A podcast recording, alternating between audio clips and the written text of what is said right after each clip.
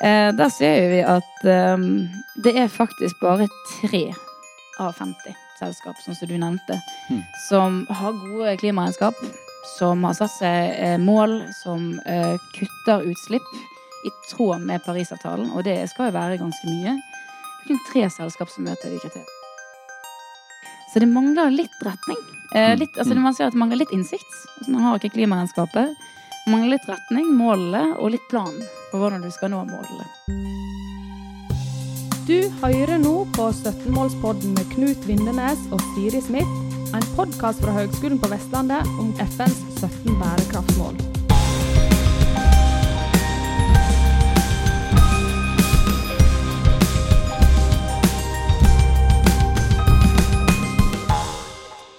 Ja, hallo folkens. I dag, eh, velkommen til eh, 17-årspodden igjen. Eh, denne gang har jeg Hilde Lorentzen fra PwC med. Velkommen til deg. Hallo, hallo. Hallo. Eh, vi, eh, ja, jeg ble obs på deg når du, eh, når du sammen med din kollega Jon Vikstrøm eh, eh, presenterte Klimaindeks Vest i ulike sammenhenger. Det var vel både under årskonferansen til Bergen næringsråd eh, i eh, november, er det vel det. Eh, også, også under klimafestivalen nå, eh, det var vel nå eh, tidligere i år. Det stemmer. Her vi eh, lager jo eh, undersøkelsen Klimaindeks Vest, og der presenterer vi hovedfunnene akkurat når de er ferdig. Og det er rundt der årskonferansen og så eh, i tiden etterpå. Ja, så det var god eh, timing, egentlig. det. Det, var, det er jo litt av en scene å få presentere på. Ja, nei, det er noen 600 næringslivsledere. Det kjenner du.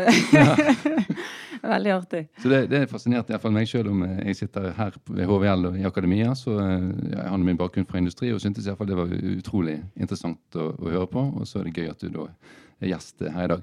Men før, før vi snakker litt om, eh, om gå inn på Klimaindeks Vest, for det skal vi selvfølgelig også gjøre, så er det gøy å høre litt om din historie. da.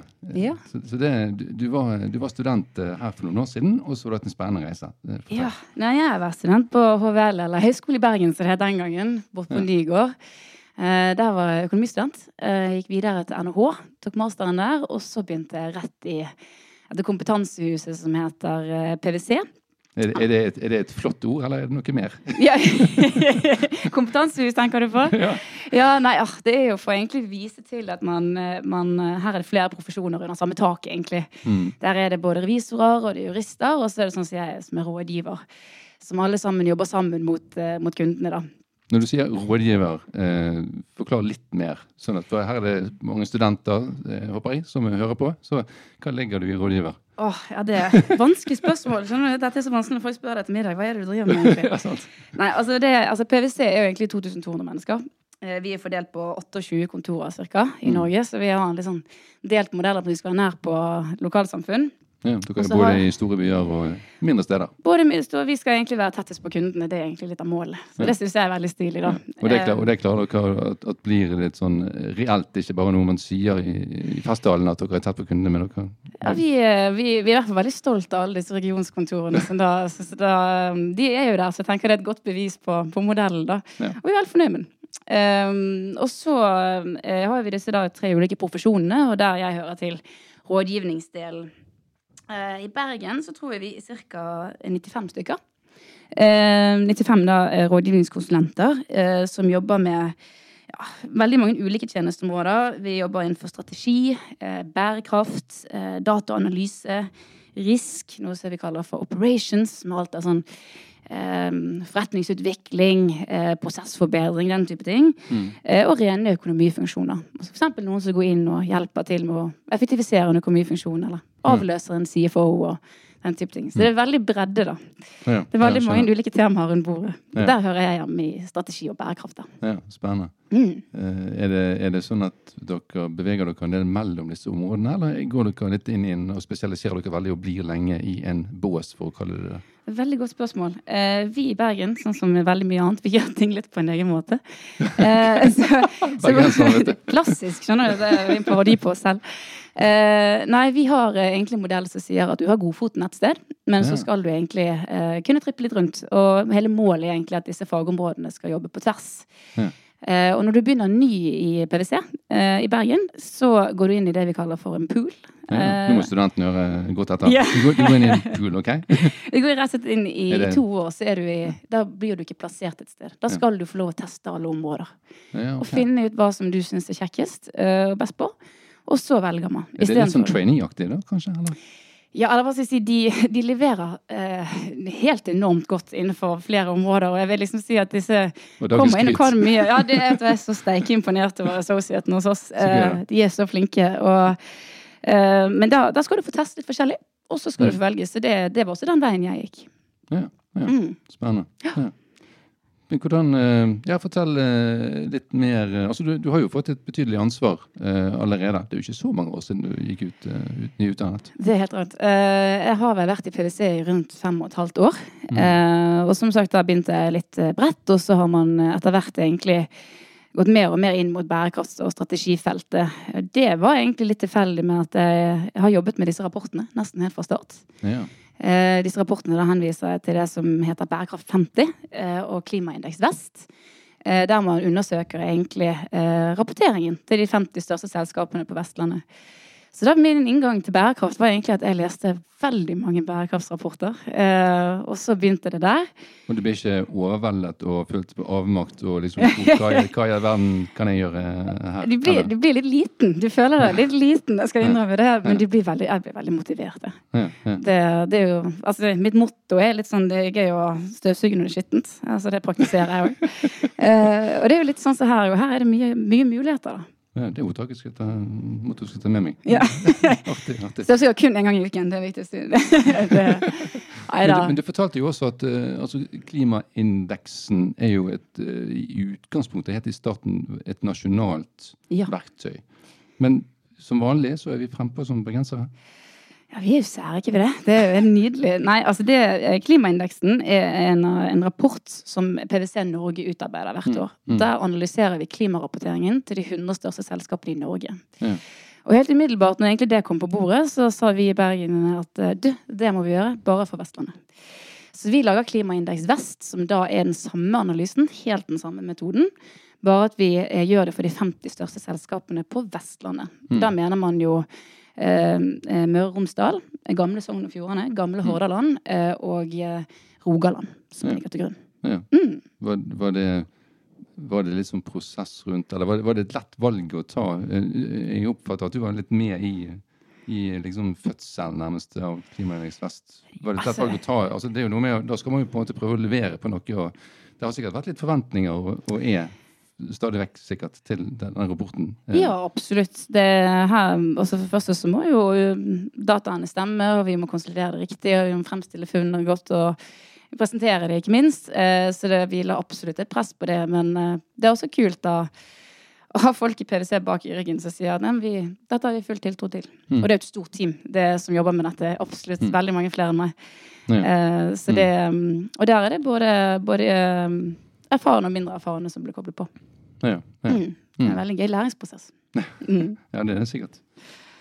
Ja, eh, hvordan, eh, hvordan, er, hvordan opplever du at eh, markedet eh, For du er jo, en ting er jo å lage denne rapporten som er kjempeinteressant for veldig mange. Mm. Men hvordan, eh, hvordan opplever du at eh, altså trendene på en måte? Hvordan har ulike bransjer tatt til seg bærekraft, forstått det og virkelig tatt tak i det? Føler du? Ja, jeg mener jo at det har skjedd altså Rundt sånn 2019-2020 så skjedde det noe voldsomt. Altså et skift på en måte. altså Fra at man egentlig banket litt på døra, til at det ble etterspurt i mye større grad. Hva skjedde da, bortsett fra at pandemien kom? inn? Nei, det kan være, altså Jeg tror egentlig det var litt uavhengig av pandemien. Jeg følte okay. det begynte litt før. Um, om det er en økt bevissthet, at vi ser mer til f.eks. klimaendringene enn hva man har gjort før. Altså Det er reelt noe som står i avisene som skjer i vår Mm. tid. Mm. Vet ikke hva som har vært det som er utslagsgivende, men vi opplever jo det at det er eh, stadig flere som etterspør. Stadig flere som f.eks. Eh, blir bevisst på alle disse bærekraftskravene som nå kommer. Mm, Eh, før så har f.eks. bærekraftsrapportering i stor grad vært frivillig, eller utvidet rapportering vært eh, frivillig. Mm. Nå kommer det jo Ja, som det, en det fortalte vi litt om før opptaket. At det, Ja. det, at det måtte vi få frem i samtalen. Så, Ja, det- så, så ut, ut det litt. For her, her, her, må, her må både studenter se sin besøkelsestid og næringslivet må Ja. forstå hva som kommer. Sant? Gjerne det. Eh, altså nå, vi ser jo det at det kommer jo eh, stadig flere krav fra EU som er veldig relevant eh, for oss. Altså selv om vi Når du sier relevant, hva legger du i det? eh, Da vil jeg egentlig si at det er krav til f.eks. bærekraftsrapportering. Som Mm. er ekstremt omfangsrikt. Som Mm. vil treffe, de kravene vil treffe veldig mange. Mm. Eh, og- Også små og mellomstore bedrifter. Ja, altså det, den har egentlig en modell slik at det eh, først eh, treffer en viss eh, store selskap og børsnoterte selskap. Mm. Eh, og så vil det bli stadig flere som innlemmes. Det vil si det at det er, eh, det er veldig mange som vil kunne inkluderes fra f.eks. regnskapsåret 2025. Så det er jo ikke lenge til i det hele tatt. det er ikke lenge til. Jeg skulle akkurat si at Vi snakker ikke 10-15 år frem i tid. Det, dette Nei. kommer ganske fort. Det er rett rundt hjørnet. Og hvis man, her, altså, her er det jo rammeverk og lovverk, en sånn akronymsalat. ikke sant? Altså Sånne forkortelser med ord. Men hvis man skal trekke frem noe, eh, så vil jeg trekke frem EU-taksonomien. Mm. Det er liksom til både studenter og andre.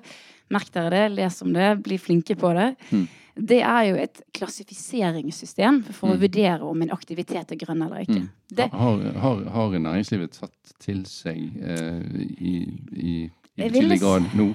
Altså, vi har jo lenge hørt om EU-taksonomi, men hvor ja, er næringslivet? stadig mer, vil jeg tro, men bakpå. Veldig men, men bakpå. bakpå. Ja. Eh, Jeg vil tro at altså, det er et veldig stort arbeid å f.eks. gå gjennom alle de økonomiske aktivitetene til et selskap og evaluere i henhold til disse kriteriene om det er grønn eller ikke. Eh, Det er et arbeid som er, vi vet at det er mange som ikke har begynt på, og som er stort. Mm.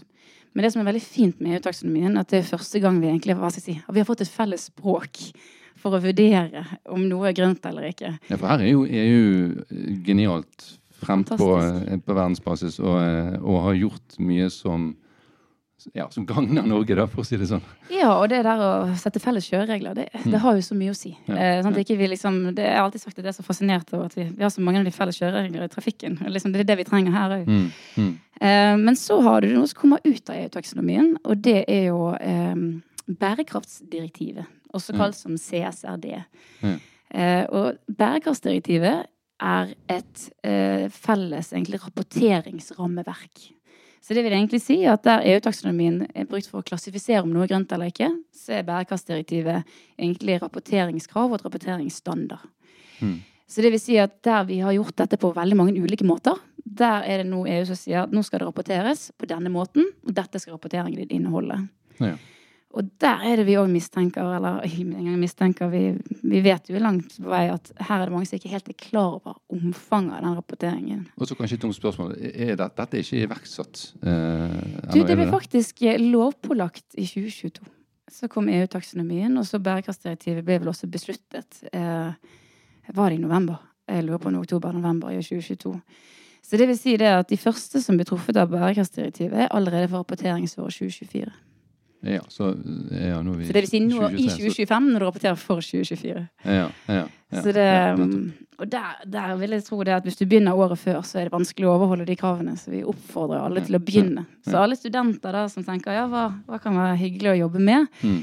Dette her, her er det et kjempeforbedringspotensial hos bedriftene. Eh, og eh, man trenger folk som kan dette. Mm. Kan hjelpe Mm. dem med det. Mm. Mm. Så må jeg bare stille det spørsmålet som jeg også hadde tenkt å ta med, da, eh, for å være litt sånn ha et litt sånn kritisk blikk eh, inn mot egentlig konsulentrollen og Ja. konsulenthusene. da. Kjør på. For jeg, jeg er jo fra en sektor eh, sant, i akademia, Høgskolen på Vestlandet, Mm. som, eh, som har jo satt veldig bremsene på generelt sett da, i forhold til konsulentbruk. Ja. Eh, Jeg syns jo personlig at man går vel langt i det, da. For jeg, jeg tenker jo at eh, å hente inn ekstern eh, kompetanse og ekspertise når det er relevant, det er jo på sin, eh, på sin plass. Men møter dere noe Møter dere mye hva skal si, avventende holdninger eller, eller skepsis, eller hvordan Ja, vet opplever du det? Nei, vet du, jeg, jeg skjønner at folk kan stille spørsmål ved det. Eh, Og jeg tror, eh, at Nå skal jeg bare snakke ut fra mine egne erfaringer, for jeg vet at folk kan praktisere yrkene sine forskjellig. Eh, Men jeg forstår at folk kan stille spørsmål ved hvorfor skal vi bruke noen eksterne på dette, hvorfor ikke det er noen interne som gjør det. Um, og mitt svar til det er ofte når folk spør når, når er det man Altså, hva er god konsulentbruk? uh, for å si det på den måten. Ja. Uh, så vil jeg egentlig tro at uh, du trenger konsulenter f.eks. av én av to grunner. Det ene er det at du, du mangler en kompetanse på huset, og så sier du da må vi få hjelp. Kan vi få hjelp av noen? For kanskje det er vanskelig å rekruttere. Mm. Eh, eller kanskje vet du at jeg trenger ikke den kompetansen om tre måneder. Eh, da er det dumt å rekruttere det. Og det andre er kanskje at du, du mangler eh, du, har ikke, du, har kompetansen, men du har ikke nok folk som har den. Så jeg trenger flere. Mm. Da er det jeg ville ringt til Kompetansehuset og sagt kan du hjelpe meg. Eller hvis du f.eks. skal gjøre noe du aldri har gjort før. Som de har gjort før. Um, men for all del, det finnes også eh, mindre vetugt bruk av konsulenter. Absolutt. Uh, men jeg ville, ville vært veldig obs på at f.eks. når du har noen inne, at det driver noe kompetanseoverføring. At ikke noen kommer inn, gjør noe og går ut igjen. Ja. Mm. Eh, men, men ja da, det kan praktiseres ulikt. Eh, men eh, vet i konsulentbruk hva tror jeg det kommer langt med. Altså. Og så er det vel kanskje tillitsbyggende også å ikke skrive med gaffel eh, for mye. Sant? Absolutt en Eh, fordel. Være- litt eh, nøkterne. Ja. Altså, det er jo så interessant. Jeg vet jo at den, den har jeg hørt før, den med eh, å skrive med gaffel. Uh, og så kjenner jeg til både min egen tid i PwC og de som er associates og senior associate manager og sånt nå. Og de, denne timeføringen, den, den ligger tungt på skuldrene til folk. Det med at liksom nå før en halvtime har jeg vært effektiv nok. Ja. Jeg vet at det kommer på fakturaen til en kunde. Så man skal vite at det fins folk som syns det er tyngende og er veldig sparsommelige på hva som, hva som faktureres ut. Det er sikkert blitt en økende bevissthet også, for det er jo en, det er jo en etikk. Eh, I høyeste grad. Her, måte, Ja, altså. ja. Og renommé, selvfølgelig. Og, ja, i det hele tatt. Ja, og det, så, så, så, de menneskene jeg kjenner som har sluttet, uh, sluttet uh, i PwC, uh, de har jo også sagt det at liksom, sånn, det er en litt lettelse å ikke ha den faktureringen på skuldrene, for der er man veldig obs på å være effektiv hele tiden. Ja, ja. Mm. ja nei, men da har du fått gitt litt reklame på det òg. Ja. Sjekker jeg på den. Det er supert.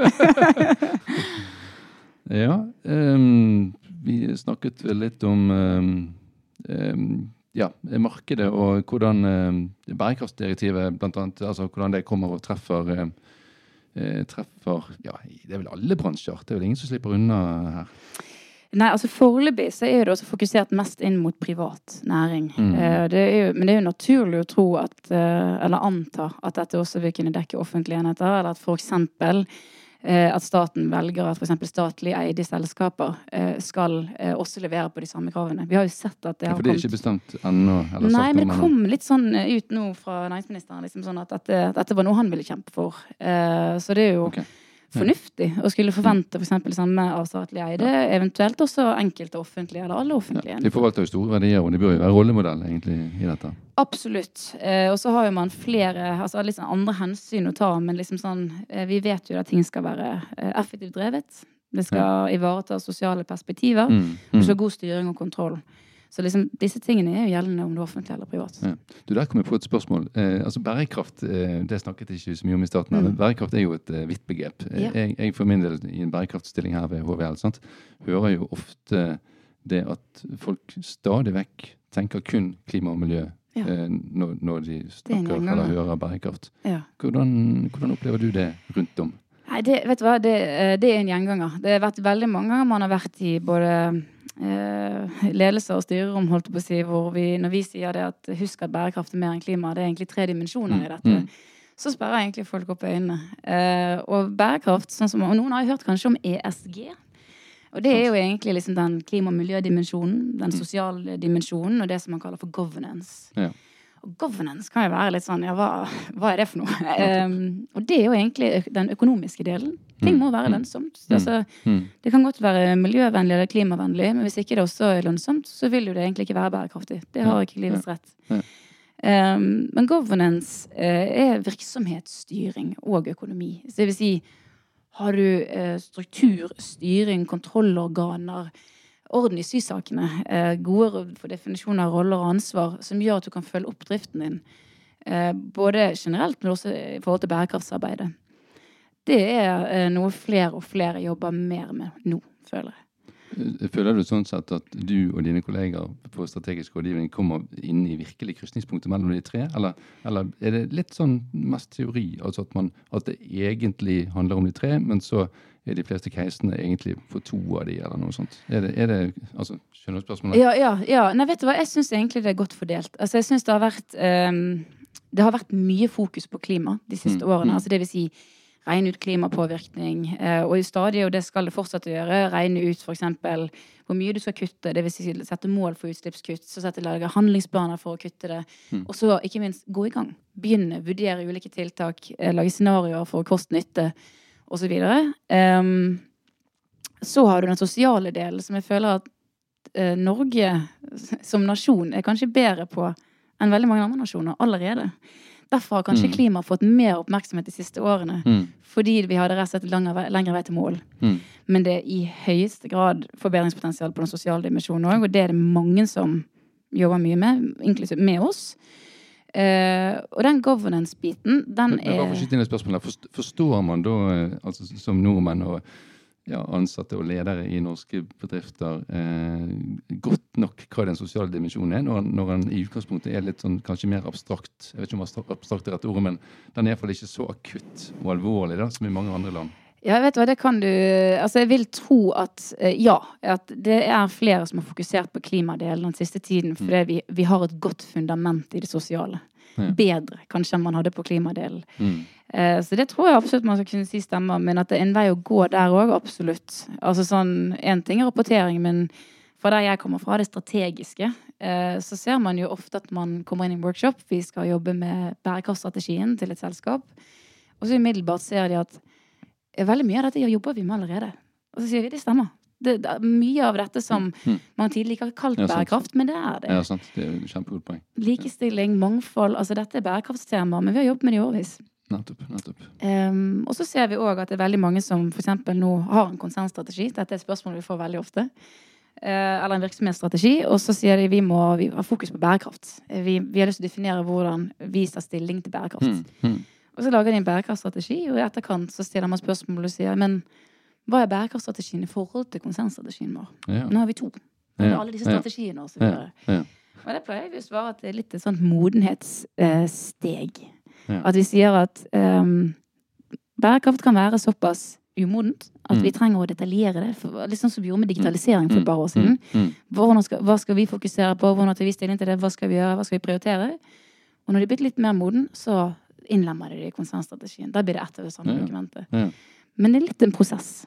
Er det mange som eh, For dette er jo kjempeviktig spørsmål. Altså, det, det handler jo om hvor godt klarer man å integrere det inn, og hvor hvor Mm. klarer man å implementere, faktisk. Og ikke bare Ja. skrive om det godt nok i, i en eller annen handlingsplan, men faktisk ta det inn i linjen sant, og virkelig implementere det. Er det, er det eh, ja, Det er sikkert vanskelig for deg å sette et tall på det, i hvert fall når jeg ikke har forberedt deg på spørsmålet. Men, men, er, det, altså, er, det, er det stadig flere, for å si det litt sånn flåsete, bedrifter som eh, Så har en Altså, integrert bærekraftstrategi? ja, som, så begynner, begynner virkelig å ta det, ta Ja. det inn i virksomheten.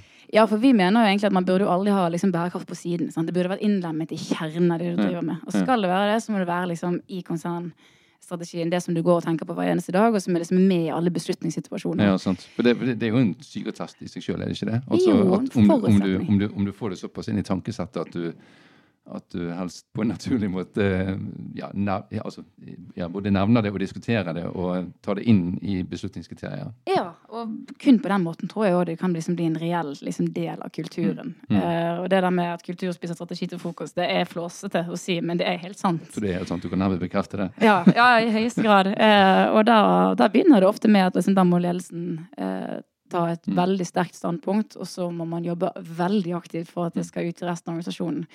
Ellers så blir det ofte eh, kan det bli en, strategi på et ark som, ikke, Mm. som er Mm. fine ord, blir lagt i en skuff. Og det er det man prøver å unngå. Og her, her er vel toppleders i entall, egentlig. da. Eh, altså selvfølgelig toppledergrupper, men toppleders eh, ja, inngang til eller utøvelse eller praktisering av dette er vel ganske viktig. Alfa og omega, Alfa omega, ville jeg ja, faktisk sagt. Det, det, jeg tror det er en av de viktigste suksesskriteriene. jeg tror. Hmm. Det var litt ledende spørsmål, men jeg kunne ikke la Ja, nei, vi jeg tok den.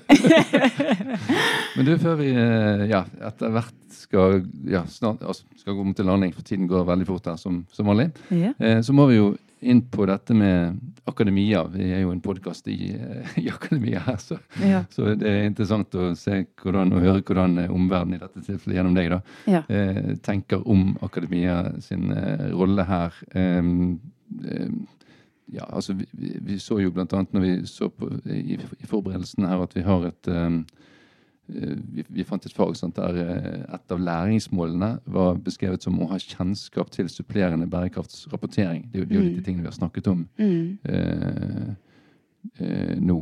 Um, ja.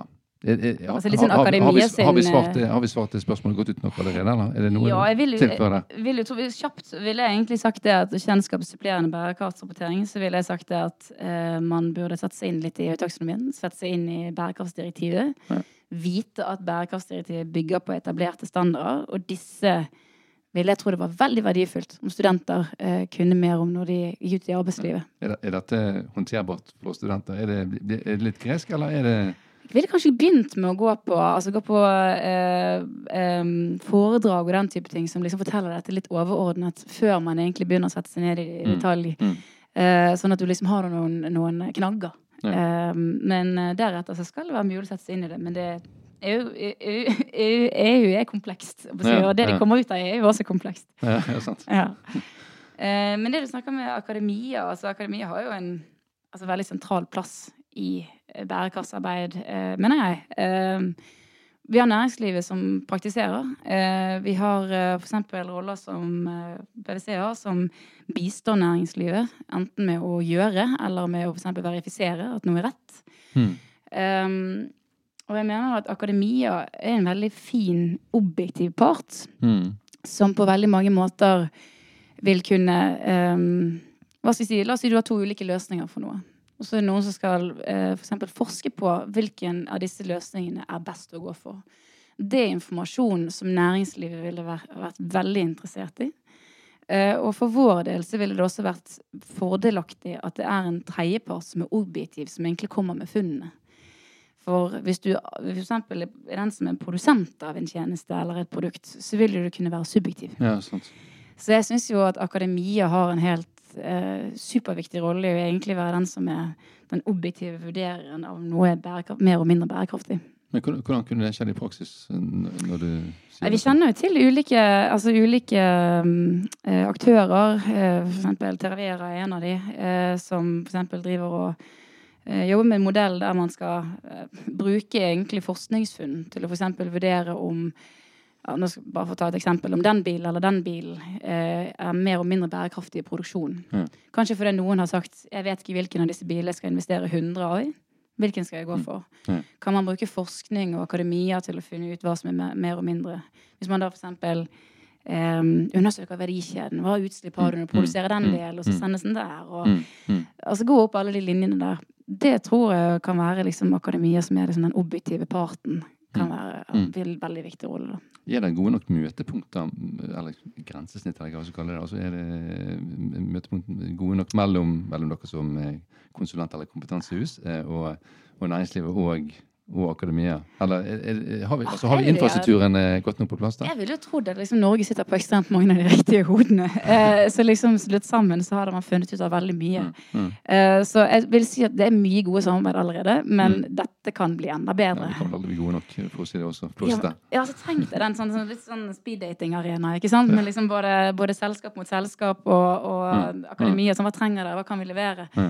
Eh, sette opp liksom masterstudenter og si hva Selskap kan presentere sine problemer. Hvem vil catche dem, hvem vil ta dem? Mm. Eh, så her er det mye interessant forskning som kan gjøres. Mm. Og så og så, eh, eh, tenker jeg også at ja, fra, fra høyskolens perspektiv her, så er jo formidling, forskningsformidling, er noe vi snakker om og, ja, mye, og det skal vi snakke mye om. og jeg har vel inntrykk av at eh, vi kan på en måte aldri bli gode nok der heller. Men hvordan, eh, altså, når, dere skal gjøre et stykke arbeid for en kunde, da, eksempel, og, Mm. Um, og har en fornemmelse av at det kan være noe oppdatert forskning på dette. Mm. Enten fra Høgskolen på Vestlandet eller fra, fra en annen institusjon. Mm. Eh, hvordan finner dere eventuelt Ja, dette? altså, er, er, det, er det lett nok tilgjengelig? Det ville vært veldig hyggelig å si ja, uh, men ville, det skulle gjerne vært enda mer tilgjengelig. Det vil si lettere å finne frem i. Kanskje lettere å følge opp den som har produsert noe. Mm. Kanskje er det ikke akkurat det du trenger, men kanskje det er noe i den gaten. Sant? Altså sånn, Ja. kan man følge det opp igjen, eller er det liksom den oppgaven ferdig og lukket? Ja. Uh, men jeg tror vi har et forbedringspotensial også i å ta større i bruk akademia. Mm. Men vi inngår en del samarbeid i, altså i, for å levere til kunder. Eh, og det er absolutt på planen å gjøre mer av det. Ja. Ehm, så det. Men jeg tror jo vi alle kan være mer lettbeint. Altså at ting blir enklere å få til. Ja, sant. Eh, sant? Det, det tror, jeg, tror jeg vi alle kan være sikre på. Jeg synes det er et godt poeng. Ja, nei, men eh, ja, skal det bli eh, avslutt nå, eller er det Nå må ikke du brenne inne med noe, sant? Så hvis det er noen ting vi burde ha sagt mer om før vi avslutter, så eh, Nei, altså spørsmålet var om man eh, ville ha noe litt av funnet fra de klimaindeksene. Om studentene kan kanskje være interessert i det. ja. Det, det vil jeg tro. Ja, Det håper jeg. eh, for du spurte meg i forkant her liksom litt, var, var det noen hovedfunn? eh, Ja, ja for det, det har ikke vi det være- jammen bra du sier. Det har, det har jo ikke vi gått inn på. Det er jo alltid spennende med de konkrete funn i en rapport. Ja, for Mm. det er jo alltid greit å bli litt håndfast når man alltid sier at dette her er behov og ting vi må løse og ting vi trenger mer av, men hva fins egentlig fra før? Nettopp. Um, Nettopp. så i denne Klimaindeks Vest så kommer vi ikke bare med funn, eh, generelle funn eh, i analysen av klimaregnskapene, men vi lager jo også en rangering. Altså vi tar altså de 50 selskapene og putter de i ulike kategorier. Rett og slett. Og da husker jeg at jeg kvapp nesten litt når jeg leste Ja, leste det. Det var, jo, det var jo kult, og det var gøy å, å, å se de tre som var helt på topp, for de, de må jo like dette veldig godt. Og så, og så så jeg at det var jo en del i nederste kategori, men da hadde dere en litt sånn snill eh, tekst også som, eh, Ja, som viser at dette vis, vi viser ikke nødvendigvis det sanne eller fulle bildet. da. Nei, altså, sånt. for det, denne rapporten her, altså, den er jo litt spesiell. Da. Det, altså, det vi gjør, det er at vi, uh, vi spør jo ingen om lov til å analysere. Mm. Vi, vi sier at dette bygger vi på offentlig tilgjengelig informasjon. Ja. Så det vil si at da går vi rett og slett inn og undersøker er, er bærekraftsrapporten eller årsrapporten eller den integrerte rapporten deres her. Så finner vi den. Så Eh, snakker vi så banalt som at dere har finner det via internett. Ja. Er det der vi er? Ja. Da går vi inn, eh, setter en cutoff-dato, så ser vi inn den datoen så leter vi etter alle sine rapporter. Mm. Eh, så analyserer vi klimaregnskapet deres basert på den offentlige informasjonen etter eh, gitt metode. Eh, og så går vi ut med funnene etterpå. Ja. Eh, og der fremkommer jo også selskapsnavnene. Eh, så og det er jo litt fordi vi, vi oppfordrer veldig til at vi skal være transparent. Altså være åpen om hvordan Mm. man ligger an. Så hvis noen liksom hadde sendt en rapport liksom sånn litt inn bakveien, så hadde ikke det vært noe Ola Nordmann kunne finne frem i. Nei. Og det er litt essensen, da. Hva, hva respons har dere fått på akkurat dette? her? Har det blitt noen sure e-poster sendt en fredag eh, på Ja, dette? altså det, det har jo hva skal jeg si, noen eh, ja, De aller fleste liker altså sånn, eh, sier at dette er helt greit. ja, Altså, for det er jo litt sånn i norsk ånd, er det ikke det? Jo, og liksom sånn, det er noen som syns det er veldig stilig at man gjør det på denne måten. Og eh, deres respons hvis de f.eks. har havnet i en kategori, det er å ringe og si hva kan vi gjøre bedre? Så kan vi gi dem noen punkter til forbedring. Det får de egentlig alltid. De får tilsendt svarene egentlig i forkant, og så får de også punkter til forbedring. Eh, og de kan de ta med seg hvor som helst. Altså De må ikke Mm. gå til oss for de. Eh, sånn de kan velge å jobbe med de selv, eller Ja, gå til noen andre. ja. Eh, men der er det liksom, prøver vi å være veldig tydelige på hvorfor man har havnet der man er. Eh, og så er det jo alltid noen som kanskje eh, helst skulle vært det foruten. Det skal jeg åpne om det. Men, eh, men veldig ofte så, når vi snakker med dem, så etter en liten periode så sier de ja, men det, dette forstår vi. Vi skjønner vurderingen som er gjort. Ja, ja. Eh, men selvfølgelig. Alltid litt delte meninger Mm. der òg. Mm. Men der er jo sånn at metoden er jo viktig, Sånn at den er solid nok og eh, etterprøvbar og Ja. Ja, har, dere- har dere hatt en prosess i, i metodeutvikling sjøl, eller hvordan er det? Vet du, Vi gjør det faktisk hvert år. Hvert eneste år. Så jeg tror vi begynte på å justere på metoden for noe kommende som kommer i 2023. Da begynte vi på to uker etter vi var ferdig med 2022. Stille. Eh, så, det, så det blir alltid litt sånn justering. Og så er det mange som sier men kan ikke dere sette en metode som er gjeldende i de neste fem årene? Da? Og så sier vi det er så vanskelig i det, det farvannet her. Ja. For det er et dilemma i seg sjøl, altså forutsigbarheten eller konsistensen i metoder. Ja, Ja, kjøreregler blir jo litt til. og- sant? Ja, altså sånn, eh, vi, vi prøver å legge oss tett opp mot f.eks. Greenhouse Gas Protocol, som er liksom en internasjonal standard for klimaregnskap. Riktig. Eh, Men den er jo streng. Eh, Og da prøver vi liksom tilpasse oss litt. Nå har vi, har vi gjort før. Og så blir vi strengere og strengere etter hvert som egentlig rammeverkene blir bedre og bedre. Eh, Og over tid så ser vi for oss at man kommer til å leie seg tett opp mot det er bærekraftsdirektivet. Ja. Når du sier rammeverk, så mener du i hovedsak EU-rammeverk? Ja. Altså eh, ja, internasjonale standarder og rammeverk for hvordan det skal gjøres. Ja. Eh, Kan, men det- kan være annet enn altså Det kan være mer globalt eh, også enn en EU? Ja, vi håper det blir altså, Vi håper det det, mye av det som kommer fra EU nå, blir globalt. Ja, det er sant, det er sant. men hva skal jeg si hvis man tenker på regnskapsfag og revisjon, altså Mm. der har jo reglene blitt til over hundrevis av år. Og tunet litt og litt hvert år, og nå er det liksom ganske vanntett. Vi lever jo i en tid hvor klimaregnskap altså det, det er jo så umodent i forhold. At det blir jo mer og mer modent for hver dag. Som du er utdatert nesten fra i går. sant? Det var et interessant poeng. Ja, så det, så det, det er derfor vi også tilpasser oss litt hvert år. Og så prøver vi nå å komme ut med metodene i forkant, så folk skjønner hvordan de blir eh, evaluert. Men en liten påminnelse er jo at vi, vi veldig gjerne vil at uh, Altså vår cutoff-dato eh, for 2023 er jo 30. juni. Ja. Eh, så vi, vi oppfordrer absolutt alle til å komme ut med rapportene sine før det. Og det er også regnskapsfristen. Ja. Ja. 30. juni. Ja. Men hvis vi skal gå litt på funn, da. Ja. Eh, hvordan det står til. Altså, bare gjenta dette med at eh, dette er jo da basert på de 50 største selskapene Mm. på Vestlandet. Mm. Og der finner vi at det er 33 av de, altså ca. tre femtedeler, som har et offentlig tilgjengelig klimaregnskap i det hele tatt. Sånn, så det, det, er, det er 17 av de 50 har det finner vi ikke klimaregnskap på. Nei, Det syns jo vi ikke er bra nok, hvis vi kan si det på den måten. riktig. Eh, ellers så ser vi at eh, ca. halvparten, 24 av 50, de setter tallfestede mål for hvor mye de skal redusere utslipp. Og det mener vi egentlig er et minimum. Mm. Sånn, nå har ikke vi snakket om at noen har oppnådd noe kutt. Vi bare sier har du satt et mål? Ja. Ja.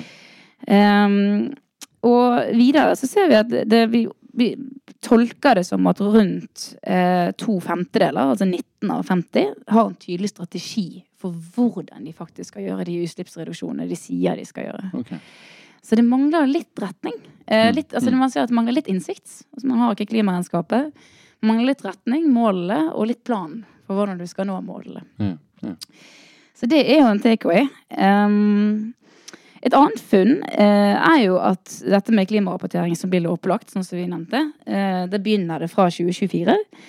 Eh, og en av de tingene som i tillegg til at du rapporterer i henhold til disse kravene, så er det òg at du må ha en tredjepart som attesterer eller verifiserer at informasjonen er sann og, og, og riktig. Litt på samme måte som en revisor gjør med Mm, finansielle mm. tall. Det blir pålagt å gjøre. Ja. I, Så det- i, hva, um, I hva grad um, Ja, det er vel en ting som bare må gjøres, rett og slett. Eller i, i hva grad er det en omfattende Det kan være omfattende. Altså, jeg vil tro særlig i innledende år hvor man finner uh, kanskje feil eller mangler. mm, mm, Uh, vi har mm, mange oppdrag på dette. Uh, med å hjelpe å refusere om det tallet er riktig. Og ofte så må det gå noen runder hvis man finner mangler. mm, mm. Eh, og det var litt interessant òg at når vi hadde påskekonferansen hvor du var med, Mm. eh, der var det én slide jeg husker vi hadde oppe hvor det står ja, blir mitt selskap rapporteringspliktig? Eh, og da Altså, jeg så så mange telefoner i været. Det var så mange som ville den sliden. For da har vi liksom skrevet opp kriteriene, da. Og da, da, er, jo det, da er jo det store børsnoterte foretak, bank, forsikring, kredittforetak, eh, med over en salgsinntekt og balansesum over en viss sum og over en visst antall ansatte. Og det, er- det er en liten gjeng med det store selskaper. De blir rapporteringspliktige fra 2024. Og så åpnes kravene. Da blir kravene lavere. Fire, da blir de, de egentlig lavere og lavere, sånn at flere og flere omfattes. Så jeg tror hvis jeg var næringslivsleder i dag, så ville jeg undersøkt i hvert fall når og om blir jeg truffet. Ja. Hvordan, hvordan eh, ja, Uten nødvendigvis å sette ut et oppdrag på 100 000 kroner til et eh, konsulentselskap for å finne ut av det, hvordan, hvordan finner man enkelt ut av det? Det, det, vet du hva? det er faktisk ikke så vanskelig. Um, her kommer en liten huskeregel. Hvis vi sier ikke 2024, da, men 2025. Uh, hvis du oppfyller to av tre krav, enten at du har salgsinntekt over 320 millioner norske kroner, har en balansesum over 160 millioner norske kroner, eller over 250 ansatte, altså to av tre av disse kravene, Mm. så vil det være rapporteringsplikt fra 2025. Ja, så Veldig egentlig krystallklare kriterier. det, det, og vi, vi tok et bare rest over altså, Så litt over for egne kunder og, og aktører i Bergen, og det er mange. Mm. Det er veldig mange. Ja, ja. Så, og så vil jo kravene bli enda lavere fra 2026. Ja. Sånn, Da inkluderes eh, eh, også SME, altså, altså små og mellomstore selskap som oppfyller de og de kravene. Eh, vi så jo alle de 50 selskapene som er med i Klimaindeks Vest, vil være eh, rapporteringspliktige fra 2025. Mm. Mm. Ja. Um, men de siste funnene, hvis man ser på selve rangeringen eh, i denne, denne Kanskje denne sliden som er mest kjent fra Klimaindeks Vest. eh, Jeg kjenner den igjen, for å si det sånn. ja, du gjør det. Ja, den ruvet høyt for store skjermer. Eh, der ser vi at det er faktisk bare tre av 50 selskap, sånn som du nevnte, Mm. som har gode klimaregnskap, som har satt seg eh, mål, som eh, kutter utslipp i tråd med Parisavtalen, og det skal jo være ganske mye. Det er kun tre selskap som møter de kriteriene der. Mm. Eh, og det er første gang i vest vi faktisk har noen som er i den Mm. kategorien. Vi håper jo det blir flere, men det er altså 53 av de største selskapene på Vestlandet. Og så får jeg stille et åpent spørsmål. Hvordan, hvordan fordeler de seg på, på bransjer? Jeg tror jeg husker svaret sjøl. Men... Ja, du vet hva, Det er tungt på sjømat, altså. Det, Det er det det. Eh, er Lerøy, og det er Movi, og det er Skretting som var der i 2022. Ja, det er jo interessant. Og, ja, Ja, og det-. Det, ja, og det vi pleier å si, det er liksom sånn du eh, Eller det er ikke vi som pleier å si det, det var Marit Bjørgen som sa det. Jeg vet ikke hvem som sa det. Du har vært verdensmester, var det han sa. Altså, du har vært på toppen et sted, men hvis vi skal få være her neste år, så må du fortsette å kutte like mye. Ja.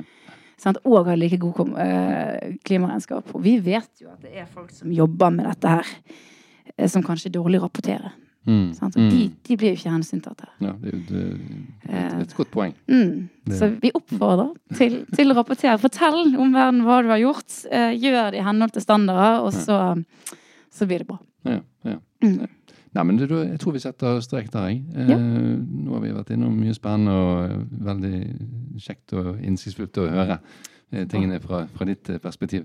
Så tusen takk, eh, Hilde Lorentzen. Tusen hjertelig takk for meg. Du har nå hørt en podkast fra Høgskolen på Vestlandet. Du kan høre flere podkaster fra oss ved å gå inn på nettsiden hvl.no. slash podkast.